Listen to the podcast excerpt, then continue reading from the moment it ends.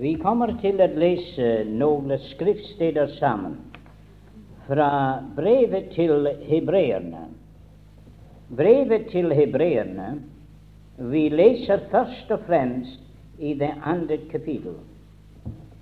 Derfor må vi så meget mer gi akt på det vi har hørt, for at vi ikke skal drive bort derfra for dersom det ord som var talt ved engler, stod fast, og hver overtredelse og ulydighet fikk sin fortjente lønn, hvorledes skal vi da unnfly, om vi ikke akter så stor en frelse?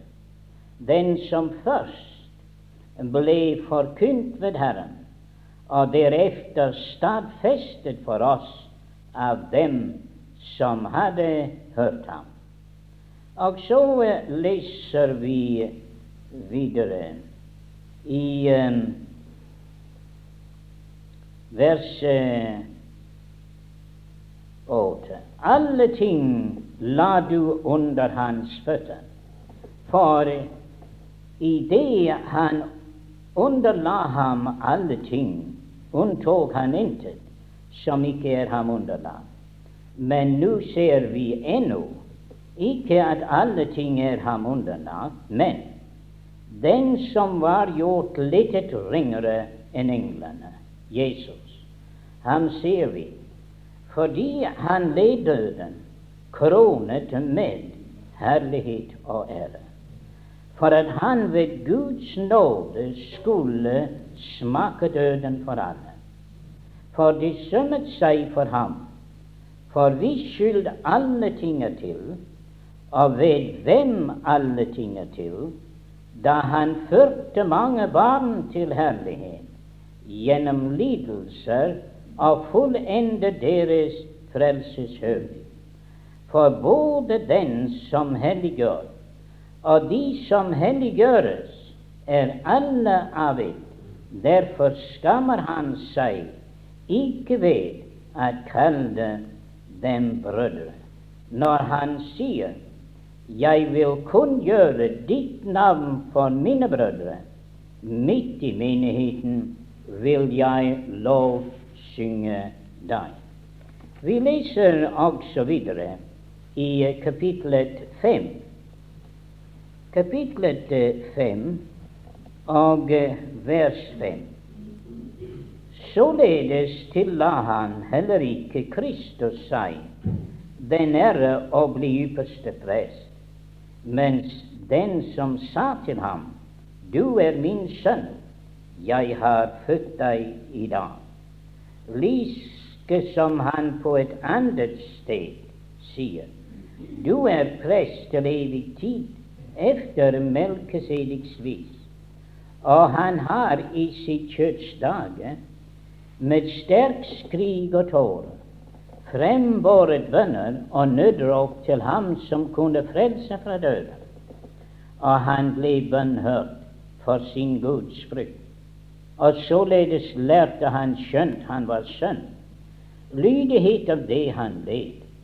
Og da han var fullendt, ble han opphav til evig frelse for alle dem som lyder ham og ble av Gud kalt ypperste prest efter Melkesediks vis. Og dette har vi meget å si, som også er vanskelig å uttyde, utlegge, dersom I er blitt trege til å høre. For skjønt i eftertiden burde være lærere, trenger I attertil at en lærer eder hva som er de første grunner i Guds ord, og jeg er blitt sånne som trenger til melk, ikke fast føde. For den som får melk, er ukyndig i rettferdsord, og han er jo et barn. Men fast føde er for uh, voksne, for dem som ved bruken har sine sanser oppøvd til å skille mellom godt og ondt. Les nå i kapitlet 7 i det syvende kapittelet. Og vi leser fra vers 24. Men denne har en uforgjengelig prestedømme, fordi han blir til evig tid, og derfor kan han også fullkommen frelse dem som kommer til Gud ved ham, da han alltid lever til å gå i forbønn for dem. For en sånn ypperste prest måtte vi ha, hellig, uskyldig, ren, skilt fra syndere og opphøyet over himlene. Nå til slutt et par vers i det niende kapittel. Det niende kapittel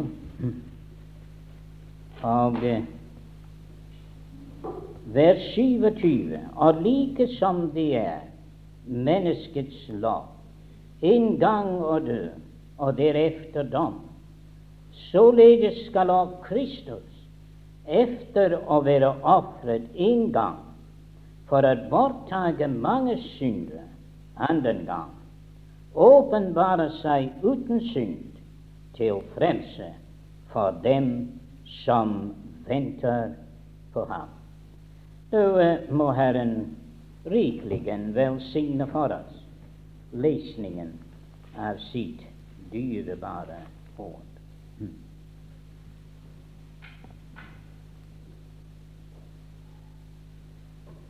Det viser seg at når Herrens tjenere, ledet av Den hellige ånd, ville fortelle de ting om den store frelse, at det viser seg at de har vanskelig ved å finne ord, å forklare hvor stor og hvor herlig den frelse er som Herren har tilveiebrakt for oss. Og eh, derfor er det at eh, vi kommer til å tenke så uvilkårlig om den frelse og den frelses storhet. Vi hadde fremfor oss allerede i dag, der borte i Vedevåg, at Paulus han fant at det var nødvendig å bruke dette ordet 'overvettes' så at da han ville tale om den store frelse, han talte om overvettes rikdom. Han talte om overvettes herlighet. Han talte om overvettes kraft. Og han talte om overvettes glede. Disse ting uh, lader oss vite at frelsen var aldeles ubegrenset, en veldig stor og velsignet frelse. Og så er det at hver av de eh, som skriver, de skriver om denne frelse, men de skriver om det fra forskjellige standpunkt. Vi finner at da evangelistene, de fire, skrev om den Herre Jesus, Eh, de skrev fra forskjellige standpunkt. Den ene skrev om Jesus som konge, Matteus. Markus skrev om ham som tjener, og Lukas skrev om ham som menneskesønn. Medens vi finner at Johannes skriver om ham som Guds sønn. Det var han. Alt dette som de skrev om. Og det er ingen uoverensstemmelse, og det er ingen motsigelse, men de måtte alle sammen skrive om ham på denne måten. Fordi når de kommer til slutten av brevene, disse evangeliene, så dør han som en konge. Så dør han som en tjener. Så dør han som menneskesønnen og så dør han som Guds innbårne sønn. Og det er dette som gjør evangeliet til det som det virkelig er. Hvem er emnet i vårt budskap? Det er en person som er så stor så over stor, at det kan i virkeligheten ikke forklares hva for en stor frelser vi har. Og hvis du, min venn, forstår hva for en stor frelser du har, så ville du komme til å forstå hva for en stor frelse du har. Men om du ikke kjenner hvor stor din frelser er, så blir din frelse også så liten. Det var en som sa til meg Adam, du taler som om at det var Gud det var vår frelse. Men det er Jesus det er vår frelse. Jeg sa min bibel forteller meg om Gud vår frelse. Ja. Således skrev Paulus til Timotius at det var Gud vår frelse. Og om din frelser ikke er Gud, så er den ikke verdt noe. Fordi det er hvem han var, som i virkeligheten ga makt og kraft til hva han gjorde. Og så finner vi da at i hebreerbrevet, eller i brevene, hver av dem, Peter og Johannes og Paulus, de skriver om Kristus, og de skriver om den frelse fra forskjellige standpunkter. Men emnet om Kristus er uendelig. Den store hemmelighet som var skjult fra evige tider, men ble åpenbart da Guds sønn kom til denne verden. Og også dette som han gjorde den er beskrevet på en herlig måte for å la oss se hvor rik, hvor stor, hvor herlig den frelser er, og hvor herlig den frelse er som vi har fått ved troen på ham. Og Derfor er det, da vi kommer til hebreerbrevet Det viser seg at det er en vanskelighet. Disse folk, de var jøder. De var hebreere. Du burde alltid lese adressen til brevene. Og det er et brev til hebreer. Nå, du og jeg, uten at vi har en forståelse av Det gamle testamentets eh, lover, da vil vi ikke forstå hebreerbrevet. Men hvis vi har lært oss å tenke som hebreere, så kan vi ha en bedre forståelse av det. For jødene, de hadde noe. De hadde den religion som i de gamle dager var anerkjent av Gud. Loven tilhørte dem. Prestedømmet tilhørte dem. Og ikke bare det, ofringer, det var deres. Ja, kongedømmet endog var deres. De hadde så meget som en nasjon. De var tro, betroet så mange velsignelser. Men da var det den gamle part. At Gud hadde egentlig noe bedre. Og den der tror at kristendom er en fortsettelse av jødedom, de tager veldig feil. Det heter i forbindelse med jødedom den gamle pakt.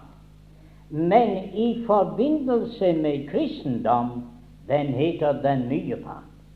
Og det er like så stor forskjell mellom lys og mørke som det er mellom disse to forskjellige pakter. Og jødedom er så meget ubetydelig når den er stillet sammen med kristendom. Vi leste i dag i Korintierbrevet at lovens herlighet, den hadde ingen herlighet da vi så på den overvettes herlighet som er i Guds nåde og i Guds frelse.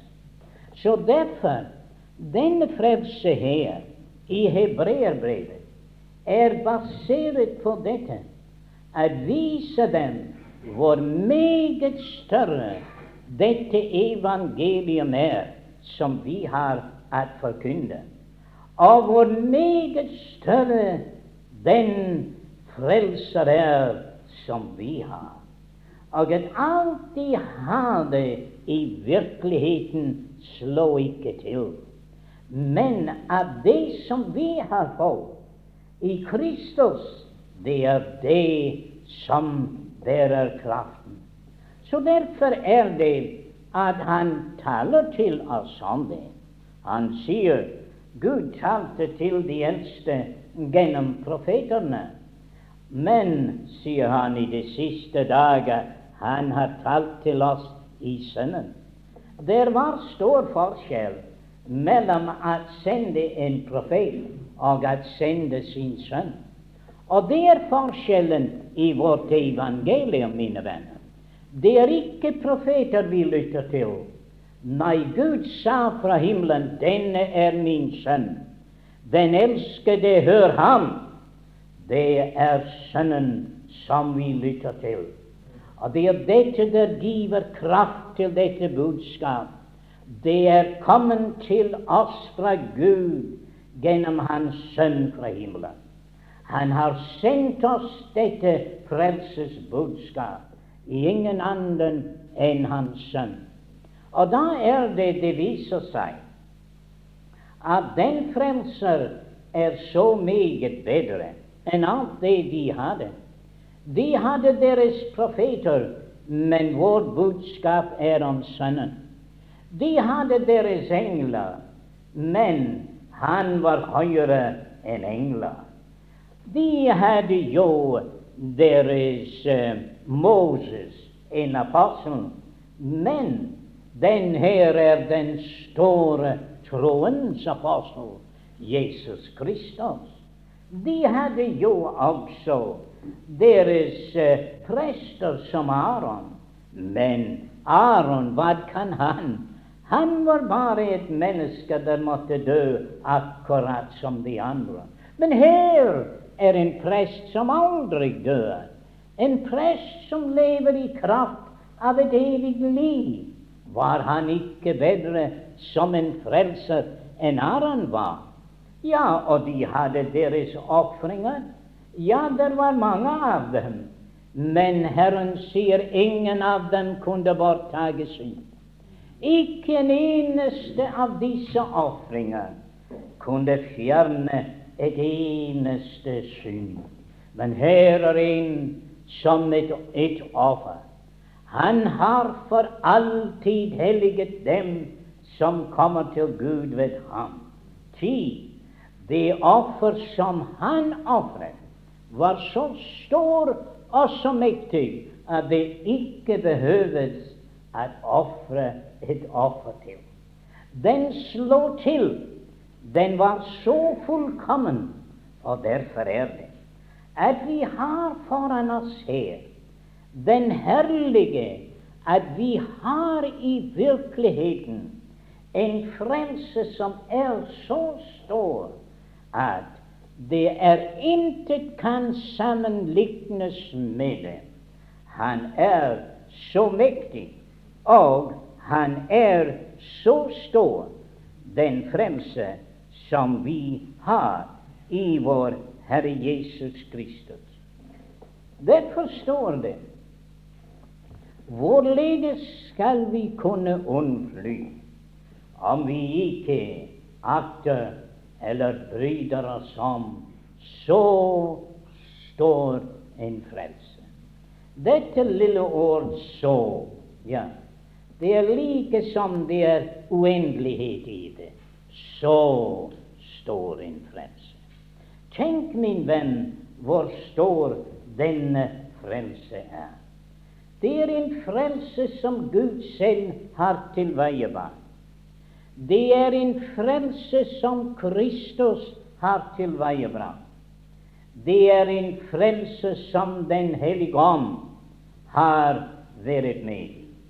For det står at gjennom Den evige ånd Han ofret seg uten plett for Gud. Å, kjære venner, du må ikke tro at Golgata var bare dette at Satans ånde, ånde her samlet seg om, Krist, om Golgata at drepe Guds sønn. Du må glemme også, kjære venner, at det var den veldig spottende håp rundt omkring ham. For det er ikke det det er verdien i Golgatas kors, men det er dette at Gud brakte et offer. Se det Guds lam som bærer verdens synd. Gud var ved Golgata. Gud var i Kristus da han forlikte verden med seg selv. Golgatas kors var den store forlikelsesgjerning. Da Gud i Kristus forlikte verden med seg selv. Det var så stor avstand. Vi var så store syndere. Vi var så atskilt fra Gud og så håpløst fortapt. Kjære venner, vi var fiender, og forlikelse måtte til. Hvordan skal det skje? Hver eneste hebreer visste dette. Forlikelse kunne ikke skje uten blodet rant, uten at offer ble ofret. Og derfor de forstod dette, at Gud var i Kristus og forlikte verden med seg selv. Her er det store for forlikelsesgrunnlag. At Gud på grunn av Golgatas kors han er villig til å ta imot hver helvig fortjenende synder og frelse deg av nåde og bringe deg inn til seg selv. Så venner, tenk på dette her, at denne frelse er stor grundet på den som tilveiebrakte det. Det var jo ikke mennesker De kan ikke ha en hånd i det. De mennesker som taler om at Gud har gjort sitt, og du må gjøre ditt, de forstår ikke hva de taler om. For mitt evangelium, vårt evangelium, er at Gud har gjort alt, og det er intet for deg å gjøre. Den store frelsesplan og den store frelse er fullkommen fordi at Gud gjorde det. I de gamle dager da de offer og ved innvielse til tabernaklet de hadde ofret et offer der ikke skulle ha vært. De hadde brent det, og det skulle ikke ha vært brent. Se, der var feil i deres gudstjeneste. Men her var ingen feil. For Gud brakte dette land. Og Jesus Kristus, han ofret seg selv gjennom den evige ånd. Han ofret seg uten plett til Gud. Og her er det største offer. Å, tenk, mine venner, om Golgates kors, at Gud gav sin sønn den innbårne. Han ofret ham opp for oss alle. Hvorledes skulle han annet enn givet oss alle ting? Gud som ikke sparede sin egen sønn, men ofret ham for oss alle. Så la oss forstå dette at denne frelse er stor fordi at det er basert på at Gud selv, Han har gjort det.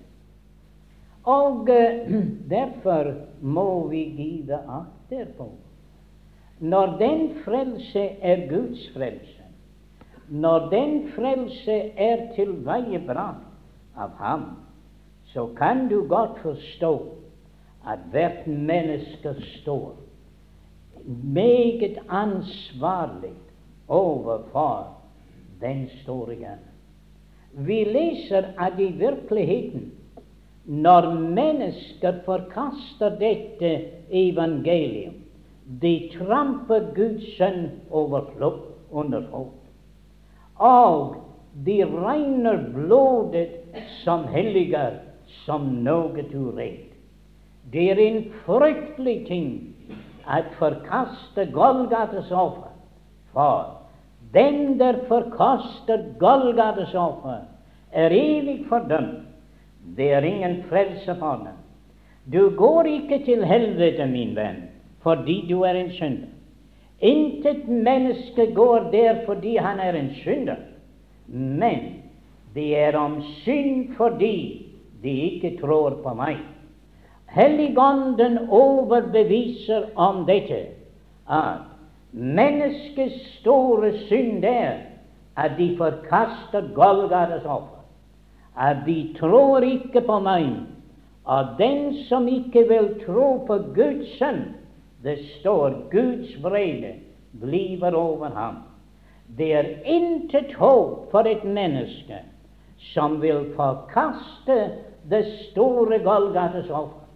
Jeg spørger deg i aften i Herrens navn, har du akseptert dette offer? Har du sagt 'Jeg kommer, og Gud, som jeg er'? Jeg har intet offer i min hånd. Jeg legger min hånd på Kristus. Han er mitt offer. Han døde for meg. Ah, det er frelsende tro, mine venner. Der legger han på Kristus og sier, her er jeg fordømt og syndig, håpløs fortapt, men i Kristus alene er min frelse. Og kjære venner, Alt går til side. Alt det andre drages som mennesket bygger på. Ritualer og det ene og det andre. Det har intet å si. Det er Golgates gjerning og Golgates gjerning alene. Ikke er der frelse i noen annen. Det er intet annet navn under himmelen givet blant mennesker hvorved vi skal frelses. Det er i den Herre Jesus Kristus alene. Og det er ikke Kristus ånd, men det er Kristus alene. Å, kjære venner, det er velsignet at bygge ditt håp for evighet på hva Gud har gjort på Golgata, og hva Gud har sagt i sitt ord. Jeg var et sted og talte. Jeg hadde ikke vært der før, og de var ikke sikre på hva slags predikant de hadde. Så jeg kunne si fra noen av de eldre de var litt mistenkelige. Jeg sa dere er dem som hviler på bare én ting for deres frelse. Men jeg hviler på to ting. Og jeg så de like som begynte å bli nervøse. Jeg sa den første er jeg filer på Jesu Kristi fullbrakte verk, hva Han har gjort på Golgata. Ja, da så det litt lysere. Og, sier jeg, jeg hviler på hva Gud har sagt ja, da var de da var de glad. For mine venner, dere, det er godt å stå der på hva Kristus har gjort, og hva Gud har sagt. Han sier, 'Den som tror på Sønnen, han har evig liv'. Og du kan ha full visshet om denne frelse ved troen på Guds sønn Og du kan være så sikker på himmelen, der hvor du sitter, som om du var allerede der. Til Kristi blod er det som like frem frelser deg, av Guds ord, den giver deg visshet om din frelse. Så bygg da på dette grunnlag. La ingenting annet være noe for deg.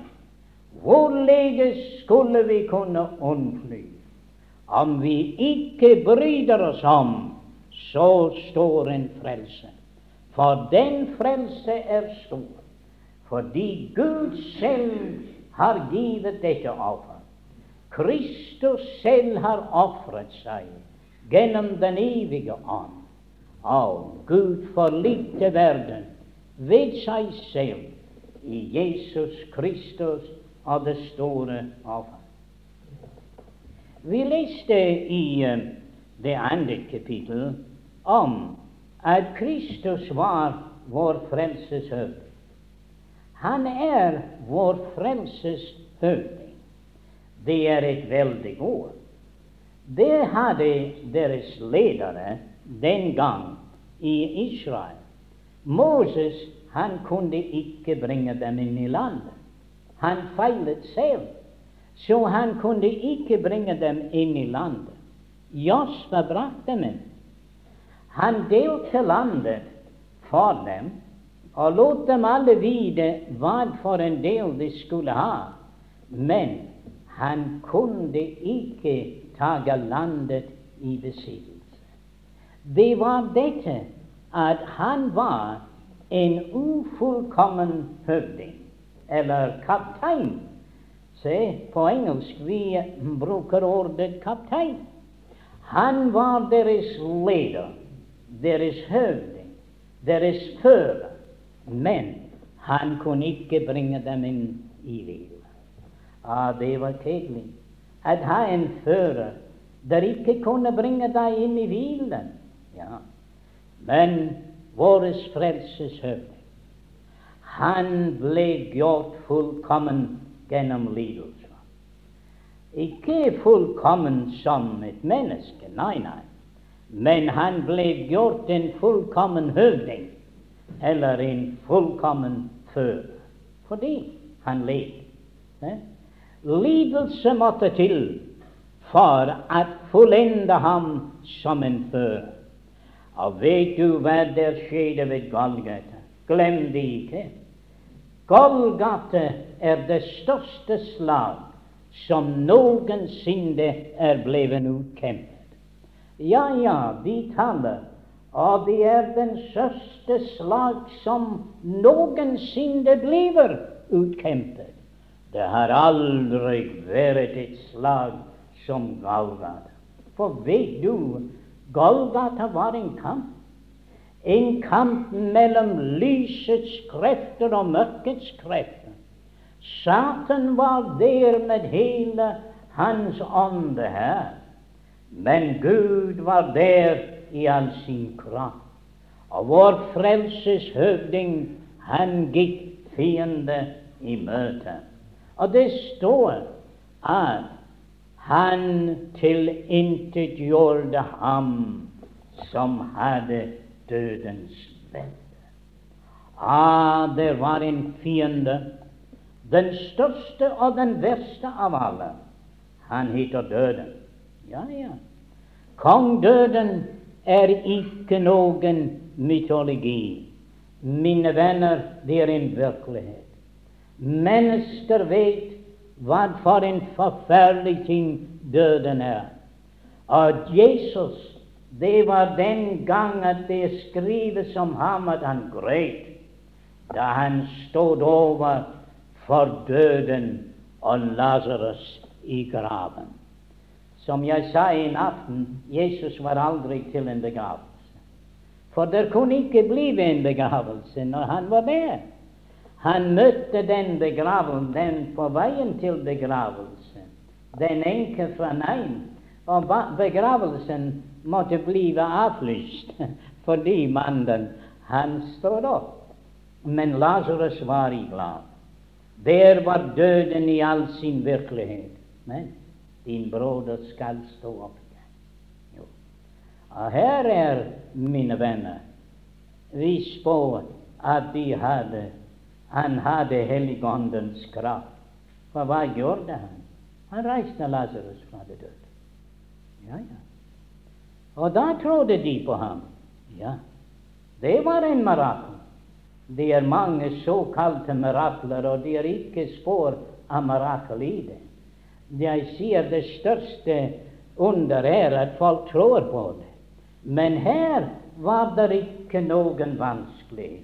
Her var det klart en mann stod opp fra det døde. Her var Guds kraft. Se, mine venner.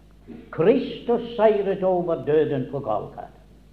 Han møtte døden ikke som en der ligger under døden. Og om det står han ble lydig inntil døden, du skal ikke misforstå det. Han var ikke døden lydig. Han var Faderen lydig, og hans død var en lydighetshandling overfor sin Fader. Han døde frivillig. Jeg setter mitt liv til for. Så kjære venner, Golgata var en seier. Han gikk inn der som vår store frelseshøvding, og han lagde vår store fiende ned, Satan. Og vet, det står hans makt til døden for alle. Hans makt til døden for alle. Og hvis du er et Guds barn, du skal aldri smake døden sier hva? Vi kommer vel å dø hvis Herren ikke kommer. Ja, men du skal ikke smake død. Ty døden har ingen brodd for deg. Det sier da de står opp. Og grav, hvor er din seier? Og død, hvor er din brodd? Det kan ikke. Kristus seiret over døden og graven der på Golgates kors. Og derfor er det at vi er på den seirende side. Vi har en stor frelseshøvding. Å, kjære venn, du behøver ikke å være redd for noen eller for noen ting.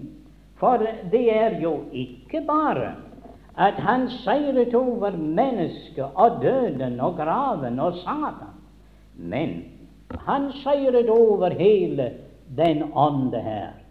Det står i kolossenserbrevet at han stillet dem åpen lyst til skue idet han seirede over dem på korset.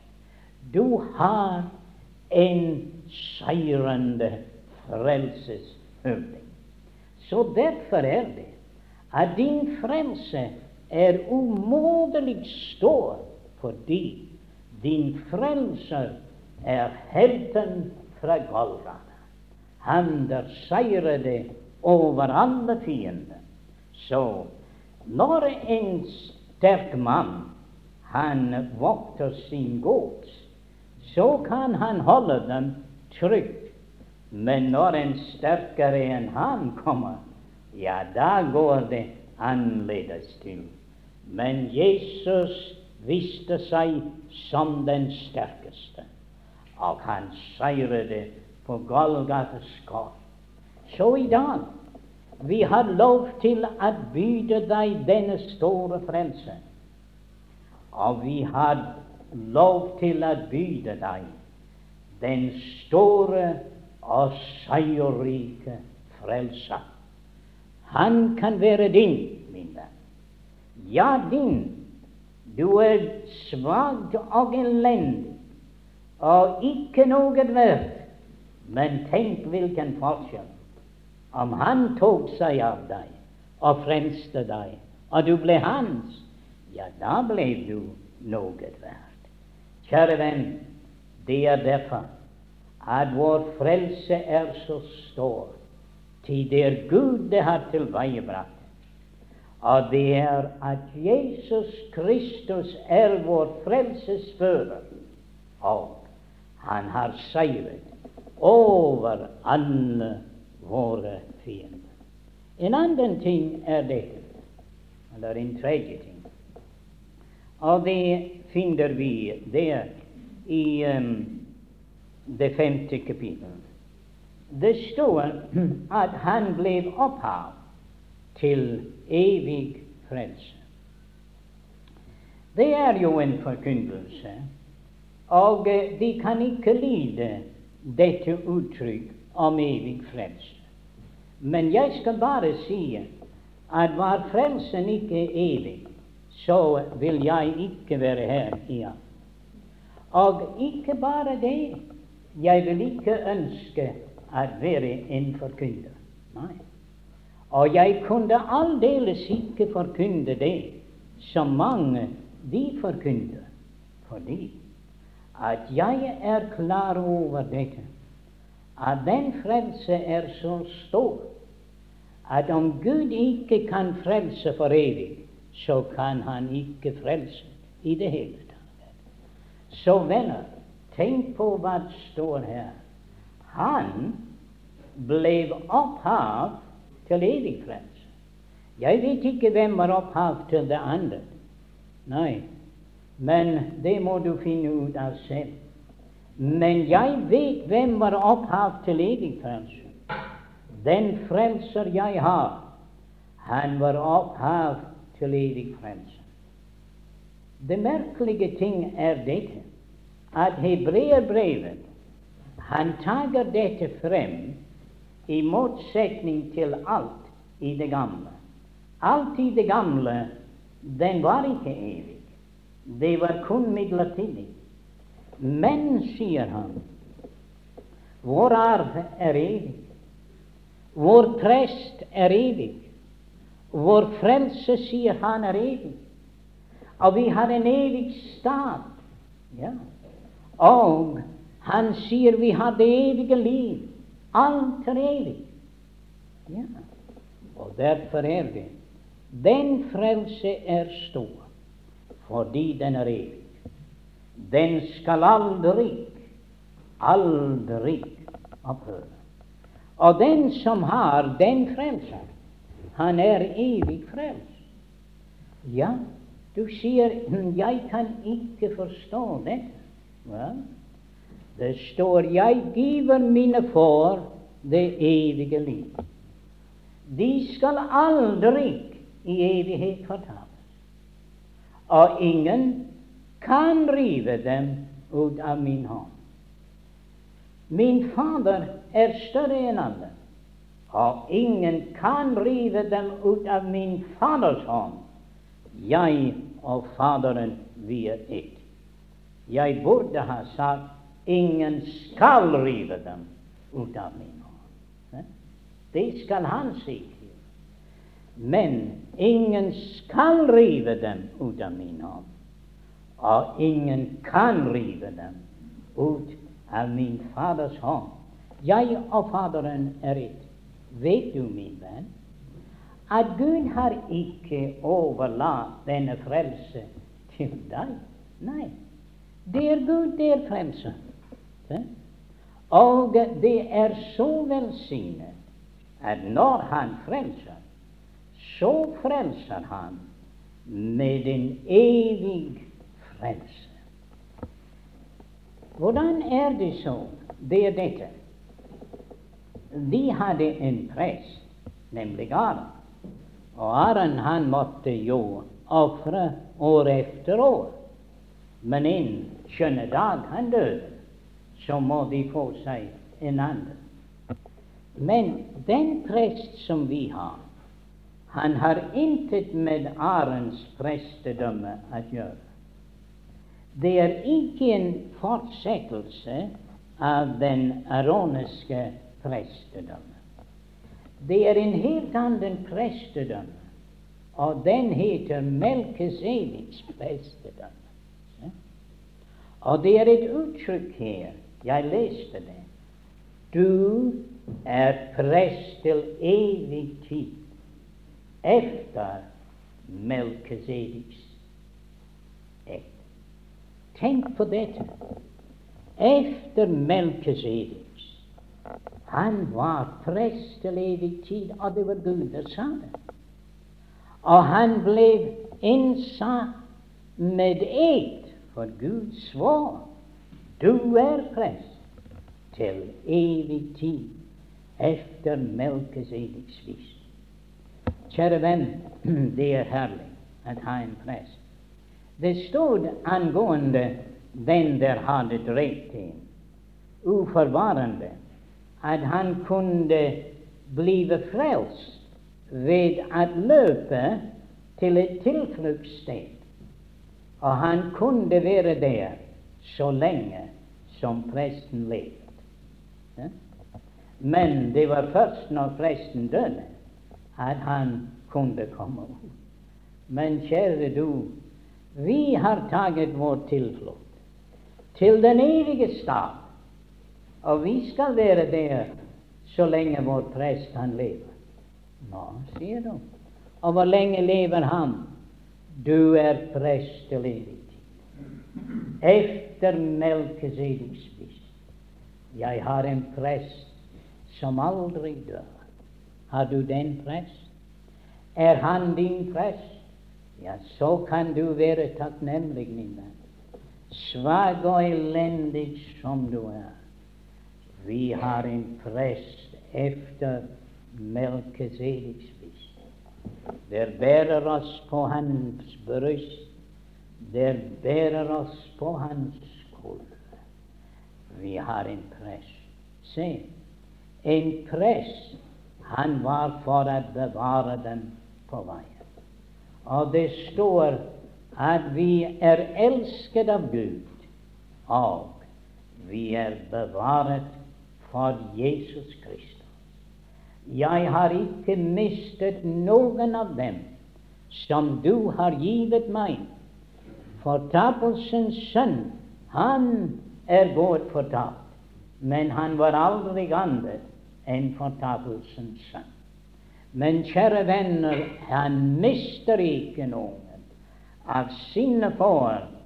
Han fører dem hjem, så du kan være trygg. Vi synger det oss. Trygg i min frelsers armer. Men du tror det ikke, min Nei. Men dem som tror på ham, er trygg i deres frelses armer. Det er ingen fordømmelse for dem som er i Kristus Jesus. Men ikke bare er det at han frelser med en evig frelse, men det stod han kan fullkommen frelse. Han kan fullkommen frelse. Ah, det er noen andre. Det er ikke bare at han uh, trekker deg ut av vannet. Nei, men han gjør det hele. Og det er det jeg er glad for. At den frelse som jeg har, han gjør en fullkommen gjerning. Det var en mann kom opp til en Jeg tror det var modig. Og denne mannen var full. Han sier, 'Ja, jeg er en av dem som du frelste.' Ja, jeg kunne tenke meg det, sa Jeg kunne tenke meg det. Ja. Det var jo ganske klart det var modig der hadde frelst ham. Men hadde Gud frelst ham, så ville han ha sett annerledes ut. Ja, det er så. Og det er masse av dette som går for å være Guds verk, men det er bare menneskeverk. Og det bringer spott og vanære på Herrens navn. Men jeg skal love for, når Gud frelser en mann, ja, han frelser ham fullkomment. Han frelser ham fullkomment. Og kjære venn, legg deg i Frelserens hånd. Han vil frelse deg, og han vil frelse deg helt igjen. Jeg stod og talte med en mann på Færøyene, og eh, jeg sier, 'Hvorfor er du ikke frelst?' Han vil ikke si meg. Jeg sier, jeg vet hvorfor. Du ligger under den forferdelige last. Han kunne drikke seg full.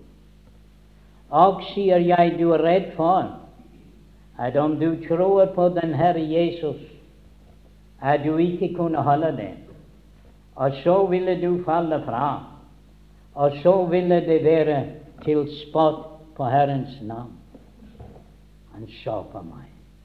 Han sier, 'Adam, du vet, du vet det er sant.' Men, sier jeg, jeg skal fortelle deg. du kan aldri få kraft til å avlegge den last inntil du tror på den Herre Jesus Kristus. Og den, det øyeblikk du gjør det, så skal han ta seg av saken. Og da blir det annerledes. Han bøyet seg for Herren, mine venner. Og han lever ennå, og det er flere år siden. Og hvis han stod her, jeg ville være glad for å høre ham fortelle om Kristus. Se, det var det. Gud tok seg av Og mine venner, det er dette som er det store. Det står at han så det god sæd i sin aker. Men de sier neste dag, men hør, det er ugress i akeren. Han sier en fjende har gjort det. Han så det det gode sæd. Men det er en fjende der sår ugress. Og det er for mange de lager omvendelser. Og de kan ikke være predikanter uten at de lager og får bekjennelser om omvendelse. Jeg overlater gjerningen, mine venner. Se, jeg overlater det til Gud at frelse mennesker. Ja. Og hvis Gud frelser deg i aften, han vil fullkommen frelse den der kommer til Gud ved ham. Han vil frelse deg hele veien hjem. Og han vil frelse deg inn i sitt evige rike. Kjære venn, den frelse vi har, er en fullkommen frelse. Det slutter ikke bare med dette, at vi har det her i denne verden. Men det er en frelse for din sjel. Men det er ikke bare frelse for din sjel. Det er et frelse for ditt legeme. Og det er herlig å vite det, at et liv kan bli frelst. Jeg er glad for dette, at jeg ble frelst som en dreng. Fordi det var ikke bare min sjel som ble frelst, men det var også mitt liv. Tenk jeg kunne få lov til å tilbringe alle disse år i Herrens samfunn, frelst av Hans nåde, så at mitt liv kunne brukes i Herrens tjeneste. Det var en veldig frelse. Og hvis det er noen unge her Ja, du er kanskje bare en pike, men du kan bli frelst. Ja. Jeg ble frelst da jeg var tolv. Jeg har en broder som ble frelst da han var seks år gammel. Og han er frelst ennå, etter mange år er gått. Ja, det var Herren der frelste ham da. Alder har intet å si. Om du vil tro på den Herre Jesus, så vil Han frelse deg. Om du er en gutt eller en pike, og du ønsker Herren å frelse deg, så la ham bare frelse deg. Giv ham ditt hjerte, min venn, og han vil frelse deg. Og han vil frelse ditt liv, og han vil frelse deg helt igjennom. Han er en herlig frelser. Det kan jeg si. Selv om jeg har levet 74 år i denne verden og var 12 år gammel da jeg ble frelst, jeg har erfart at han er en herlig frelser. Han frelser hele veien hjem. Så, kjære venn, han vil frelse din sjel. Han vil frelse ditt liv. Men mer enn det. Du sier ja, men hva om den her gamle legeme? Ja, ja. Ja, hva om det, min venn? Vet du at han har kjøpt deg legeme og sjel? Det står enten vi lever eller dør, så hører vi Herren til. Og du sier 'jeg trodde vi bare hørte ham til når vi lever'. Nei, du hører ham til også når du er død. Det forandrer ikke saken. Og vet du, det er en herlig ting i denne frelse. Og det er det han en dag skal frelse oss helt, som vi sier halleluja. Han skal frelse oss helt. Det skal han. Hvordan da? Han kommer ned fra herlighetens herlighet. Vår frelser, han kommer igjen. Og til dem der venter ham, skal han åpenbare seg anden gang. Du vet det er noen der leser inn i dette der, at om du ikke venter ham, så går du ikke med når han kommer. Men det er ikke meningen. Dette bildet er taget fra Det gamle testamentet. Da presten gikk inn for å ofre for folket, de stod utenfor, og de ventet. For han var gått inn med blodet se, for deres synder. Og de ventet for å se om han var akseptert, så at da han kom ut, han kunne velsigne dem. De ventet ham. Og hvem var det de ventet? Det var alle. Hele Israel ventet. Alle dem for hvis synder blodet ble utgitt. Ja. Og således er det i dag. Alle Guds børn, de venter ham. De sier alle sammen i dag, ja, kom, Herre Jesus. De alle sammen venter at se deres frelse. Ty han døde for oss. Han gikk inn for oss, og han kommer for oss. Og han kommer for oss alle. Han kommer ikke til å ta dem som de sier er åndsdød. For jeg tror, ja, måske det er rett, for jeg tror hver eneste Guds barn er åndsdød. For det står i én ånd ble vi alle døpte inn i Kristi legeme. Så kjære venner, vi venter alle sammen for ham.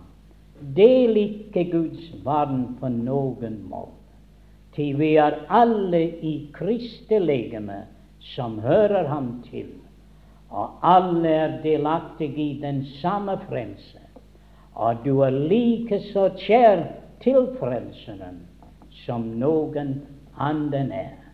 Husk på dette, de ventet ham. Men hvorfor kommer han ut? Han kommer ut til frelse. Ah, hva for en frelse er det? Det er legenets frelse, mine venner. Han vil frelse oss fra denne verden. Se? Det er noe der heter legenets forløsning. Og det er dette at Gud har frelst oss, men våre legemer er ennå underlagt de ting som skjer i denne verden. Ja. Men det kommer en dag da legemet blir forløst. Og når du blir forløst, ditt legeme, da blir det ingen smerte. Og da blir det ingen alderdom. Og da blir det ingen skavanker. Nei, for han kommer, og det står, han skal forvandle vår fornedrelseslegeme. Og han skal gjøre det lik med hans herlighetslegeme. ved den kraft hvorved han underlegger seg alle ting. Kjære Guds barn, kjære Guds barn. Den Herre Jesus Kristus kommer, og han kommer til frelse for alle sine kjære barn. Det døde i Kristus skal oppstå.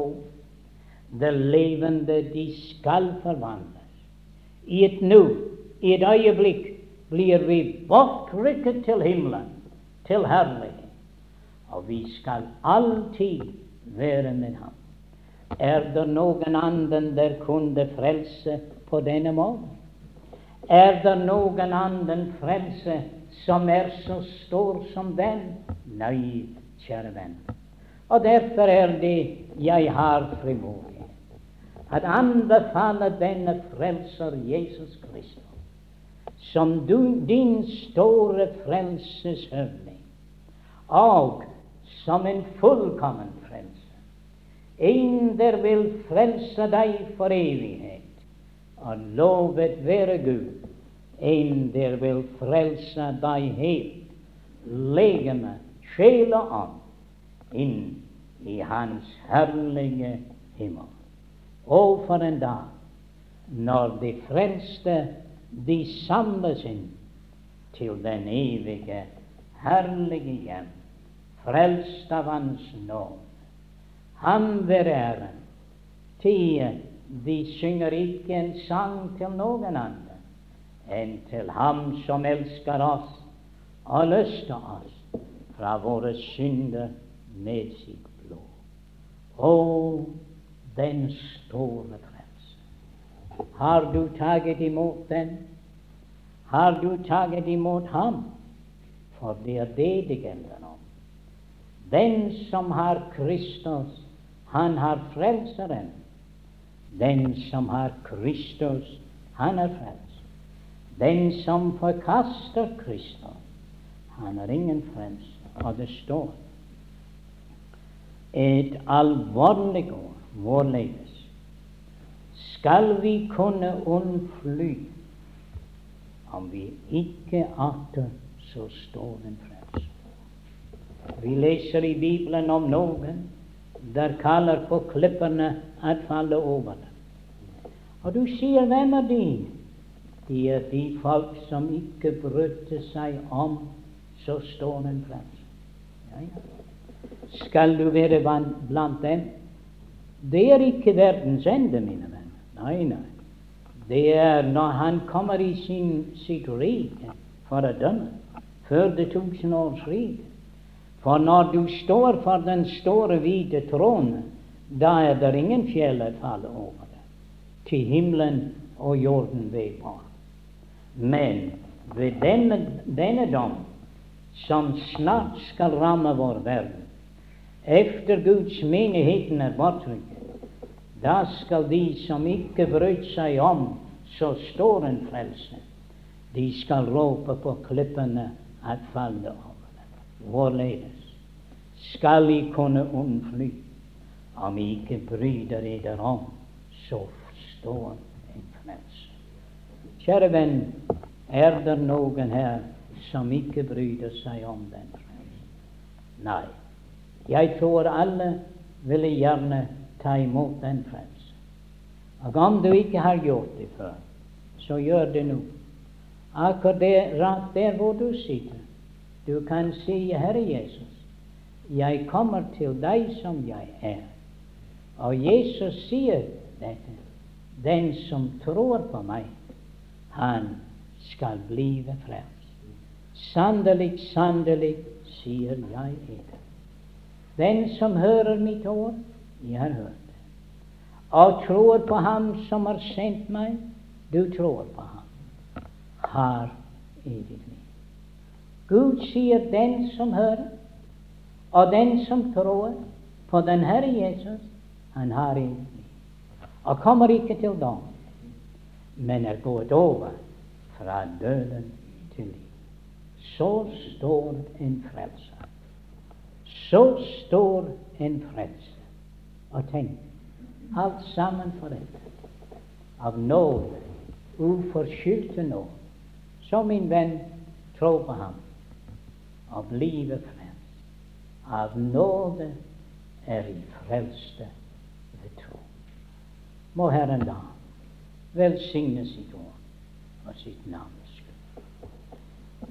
Fader, det er så underfullt for våre hjerter. Vi føler at vi er ikke i stand til å forklare det som vi ønsker. Men vi takker deg at du leder ved din ånd til å forkynne budskapet. Og når det er forkynt i Åndens kraft, da er det at de finner et sted i menneskets hjerte. Du kjenner alles hjerte her, både unge og eldre. Og Herre, det ville være en stor ting om du frelste en gammel mann eller kvinne. Det ville være større om du frelste en gutt eller en pike. For da vil det blive et liv det er frelst for deg. Så, Fader, frelsen hører deg til. Og vi beder deg om at du i aften vil frelse. At du vil frelse, og vi vet du frelser med en fullkommen frelse. Og du skal have hele æren både nå og i all evig. Herre, frels for ditt store navns skyld. La din velsignelse være over oss alle. Og vi takker for de dager vi kunne ha det sammen med våre venner her. Vi ber om at du vil fremdeles være med dem og velsigne dem, og med, være med oss når vi reiser videre. Herre, takk for bistand og nåde i disse dager, i vår Herre Jesu navn.